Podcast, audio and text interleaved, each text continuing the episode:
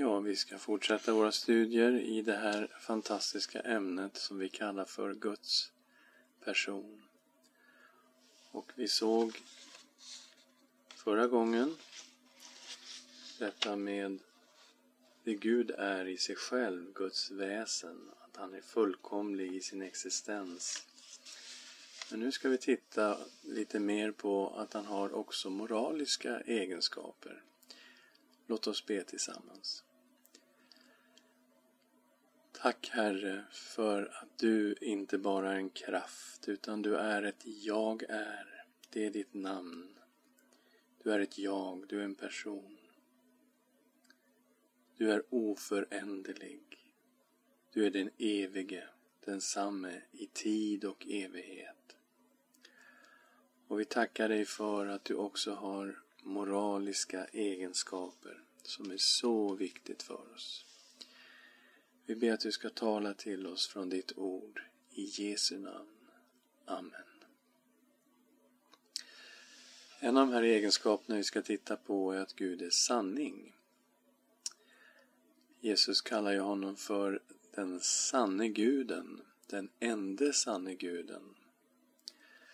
Och eh, första Johannesbrevets avslutning i femte kapitlet, vers 20 till 21 så finns det en fantastisk hyllning till den sanne. Och när man gör en noga exeges så ser man att detta är Kristus. Men vi läser. Vi vet att Guds son har kommit och gett oss förstånd. Vi, så att vi känner den sanne. Och vi är i den sanne. I hans son Jesus Kristus. Han är den sanne guden och det eviga livet. Kära barn, var på er vakt mot avgudarna. Så, han är den sanne guden. Gud är sanning. I Johannes 14 och 6 så talar Jesus om sig själv som sanningen. Jag är vägen, sanningen och livet. Gud är sanning och Kristus är sanningen. Sanningen om Gud faktiskt. Han är ju en uppenbarelse av Gud i hela sin person. I allt han sa, i allt han gjorde och i den han var. I Romarbrevet 3 och 4 så står det om att Gud, han är sann även om vi alla människor kan vara lögnare och syndare. Romarbrevet 3 och 4. Nej, aldrig. Låt det stå fast att Gud är sann och varje människa en lögnare. Det står ju skrivet, för att du ska få rätt i dina ord och vinna när man går till rätta med dig. Gud kan vi lita på. Han är sann. Han står fast genom tid och evighet. Jag ska också ta ett ord ifrån Biliam, denne märklige man som Balak kungen i Moab ville skulle förbanna Israels barn. Men han kunde inte. Han fick välsigna detta folk. Fjärde Mosebok kapitel 23, vers 19 och 20. Oavsett vad man anser om Biliam som person så bar han ändå fram ord som var helt sanna. Han säger så här Gud är inte en människa så att han kan ljuga, inte en människoson så att han skulle ångra sig. Säger han något utan att göra det? Talar han något utan att fullborda det? Se att välsigna är mitt uppdrag. Han har välsignat och jag kan inte ändra det. Gud är inte en människa så att han skulle ljuga man kan lita på Guds ord. Hur ska vi sammanfatta detta då? Gud är den sanne guden. Han är också sanningen. Gud kan därför inte ljuga. Han talar alltid och handlar alltid i enlighet med sanningen. Ska ta en annan egenskap. Gud är kärlek. Och vi ska älska varandra. Gud är kärlek. Och, vi ska älska varandra. Och det här går ju igenom um, går in i vartandra. Att Gud är kärlek och därför ska vi utifrån Guds kärlek älska varandra. Första Johannes brev kapitel 4, vers 8 till 21. Den som inte älskar har inte lärt känna Gud, ty Gud är kärlek. Så uppenbarades Guds kärlek till oss. Han sände sin enfödde son till världen för att vi skulle leva genom honom. Kärleken består inte i att vi har älskat Gud, utan i att han har älskat oss och sänt sin son till försoning för våra synder. Mina älskade, om Gud älskade oss så högt, är också vi skyldiga att älska varandra. Ingen har någonsin sett Gud. Om vi älskar varandra förblir Gud i oss och hans kärlek har nått sitt mål i oss. Vi vet att vi förblir i honom och han i oss därför att han har gett oss av sin ande. Vi har sett och vittnat om att Fadern har sänt sin son som världens frälsare. Den som bekänner att Jesus är Guds son, i honom förblir Gud och han själv förblir i Gud. Och vi har lärt känna den kärlek som Gud har till oss och tror på den. Gud är kärlek. Och den som förblir i kärleken förblir i Gud och Gud förblir i honom. I detta har kärleken nått sitt mål hos oss, att vi är frimodiga på domens dag. Det är sådan han är, sådan är också vi här i världen. Räds, rädsla finns inte i kärleken, utan den fullkomliga kärleken driver ut rädslan. Rädslan hör ju samman med straff, och den som är rädd är inte fullkomnad i kärleken. Vi älskar därför att han först har älskat oss. Om någon säger att han älskar Gud och hatar sin broder så är han en lögnare. Ty den som inte älskar sin broder som han har sett kan inte älska Gud som han inte har sett. Och detta är det bud som vi har från honom, den som älskar Gud också ska älska sin broder. Så Gud är kärlek. Och det är helt klart att vi har lärt känna kärleken uppenbarad i Jesus Kristus. Vilken kärleksförklaring! Att Gud har älskat oss och sänt sin son till försoning för våra synder. Här har vi lärt känna vad kärlek verkligen är.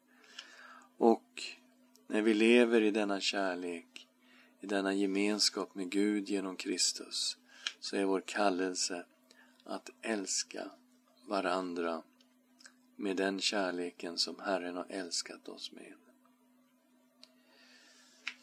Guds kärlek är en evig kärlek. Vad fanns innan Gud skapade världen?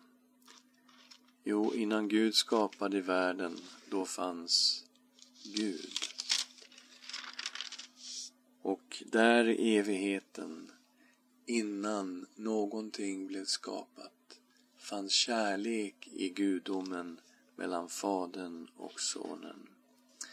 Fader, jag vill att där jag är, där ska också det som du har gett mig vara med mig, så att de får se min härlighet som du har gett mig, eftersom du har älskat mig innan världens grund var lagd.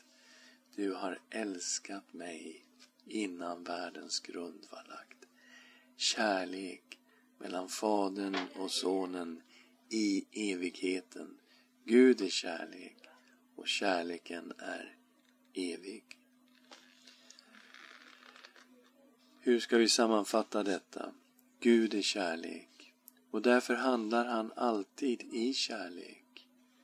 Guds oändliga kärlek uppenbarades för oss i Jesus Kristus. Vi är kallade att älska varandra som Gud har älskat oss. Vi ska ta en annan moralisk aspekt, en moralisk egenskap hos Gud som är väldigt tydlig i Bibeln. Gud är helig. När Gud uppenbarar sig för profeten Jesaja och kallar honom att bli profet. Vi har det i Jesaja kapitel 6, vers 1-5. Då finns det serafer där. Och seraferna ropar till varandra hela tiden. Helig, helig, helig är Herren Sebaot.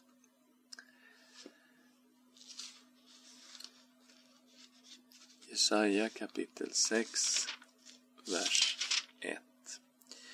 I det år kung Ussia dog såg jag Herren sitta på en hög och upphöjd tron och släpet på hans mantel uppfyllde templet. Serafer stod ovanför honom. Var och en hade sex vingar. Med två täckte de sina ansikten. Med två täckte de sina fötter. Och med två flög de. Och den ene ropade till den andre. Helig, helig, helig är Herren Sebaot. Hela jorden är full av hans härlighet. Rösten från den som ropade fick dörrposterna och trösklarna skaka och huset blev uppfyllt av rök. Då sa jag, ve mig, jag förgås. Jag är man med orena läppar och jag bor ibland ett folk med orena läppar och mina ögon har sett konungen, Herren Sebaot. Gud är den Helige. Och det är så han beskrivs också i Bibeln som den helige guden. När Jesus ber i Johannes 17 så tilltalar han Fadern Helige Fader.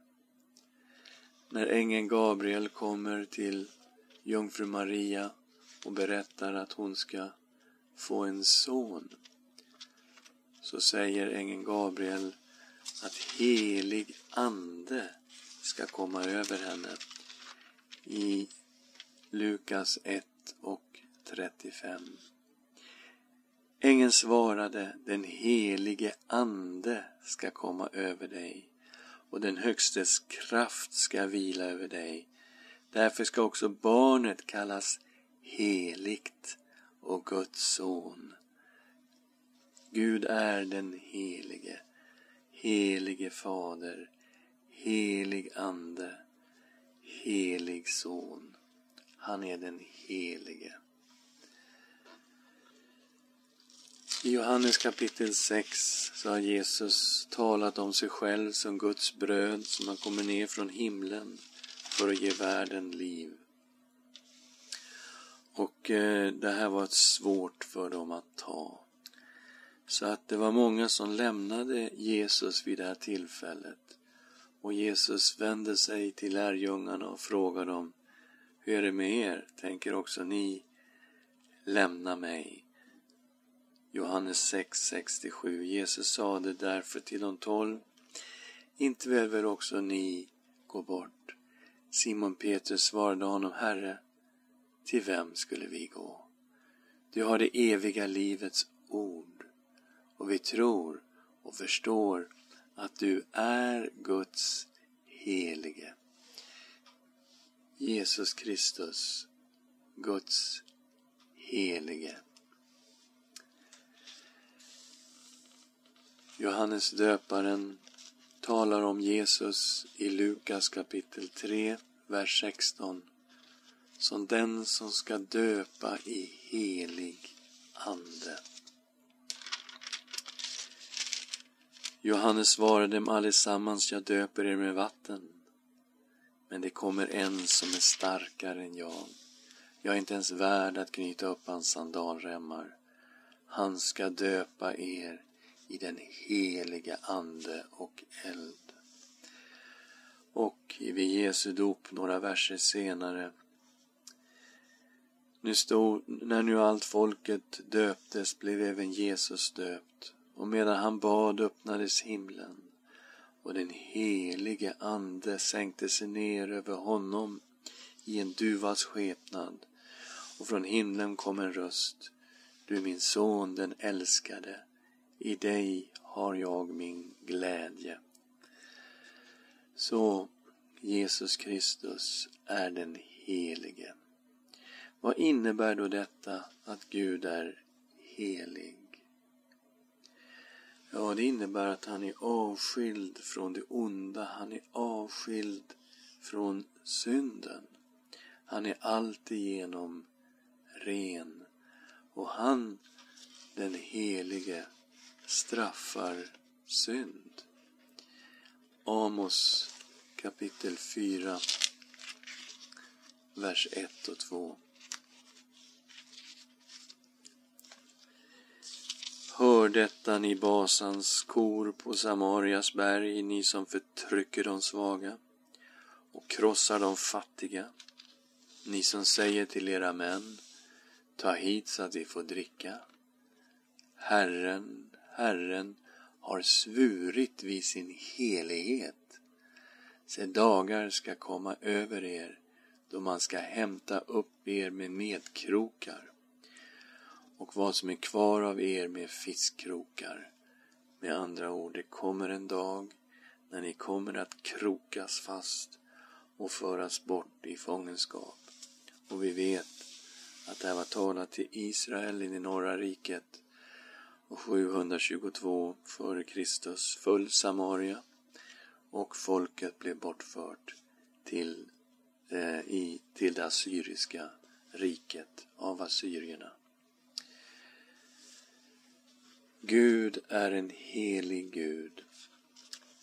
Josua bok kapitel 24, vers 19.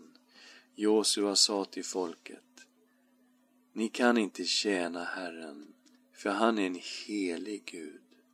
Han är en nitälskande Gud. Han ska inte ha fördrag med era överträdelser och era synder. Så det finns någonting i den helige som absolut inte går ihop med synden. Den helige guden som inte har fördrag med överträdelse och synd. På grund av att Gud är helig så vill han också att vi som hans folk ska vara ett heligt folk. Ett rent folk. Ett folk som vandrar inför hans ansikte. Tanken här är sådan fader, sådana barn, eftersom Gud är helig ska vi vara heliga. Första Petrus 1, 14-17. Som lydnadens barn ska ni inte styras av de begär som ni tidigare levde i när ni ännu var okunniga. Nej, liksom han har kallat er är helig, ska ni föra en alltigenom helgat liv. Det står skrivet, ni ska vara heliga, ty jag är helig. Om ni ropar Fader till honom som opartiskt dömer var och en efter hans gärning, så vandra här i Guds fruktan under er tid som främlingar. Guds helighet som också är ett märke på Guds folk. Hur ska vi sammanfatta detta? Gud är helig. Han är även härlig och ren. Han är skild från synden och ondskan. Guds helighet leder till att han straffar synd och syndare. Vi är kallade att vara heliga som Gud är helig. Så hur ska vi sammanfatta då hans moraliska egenskaper? Vi läser ihop alltihopa. Sanning, kärlek och helighet. Gud är den sanne guden. Han är också sanningen. Gud kan därför inte ljuga. Han talar alltid sanning och handlar alltid i enlighet med sanningen. Vi måste därför hålla oss till sanningen. Vi får inte som andra ljuga för att det ska bli bättre. Vi är istället kallade att vara en bild av Gud. Gud är kärlek och därför handlar han alltid i kärlek. Guds oändliga kärlek uppenbarades för oss i Jesus Kristus. Vi kallade att älska varandra som Gud älskat oss. Gud är helig. Han är även härlig och ren. Han är skild från synden och ondskan. Guds helighet leder till att han straffar synd och syndare. Vi är kallade att vara heliga som Gud är helig. Låt oss be tillsammans. Tack levande Gud att du också är moralisk, att du har moraliska egenskaper, att du är god, att du är en god Gud. Du är sanning, du är kärlek, du är helig, du är alltigenom härlig. Tack levande Gud för att du är vår Fader. I Jesu namn. Amen.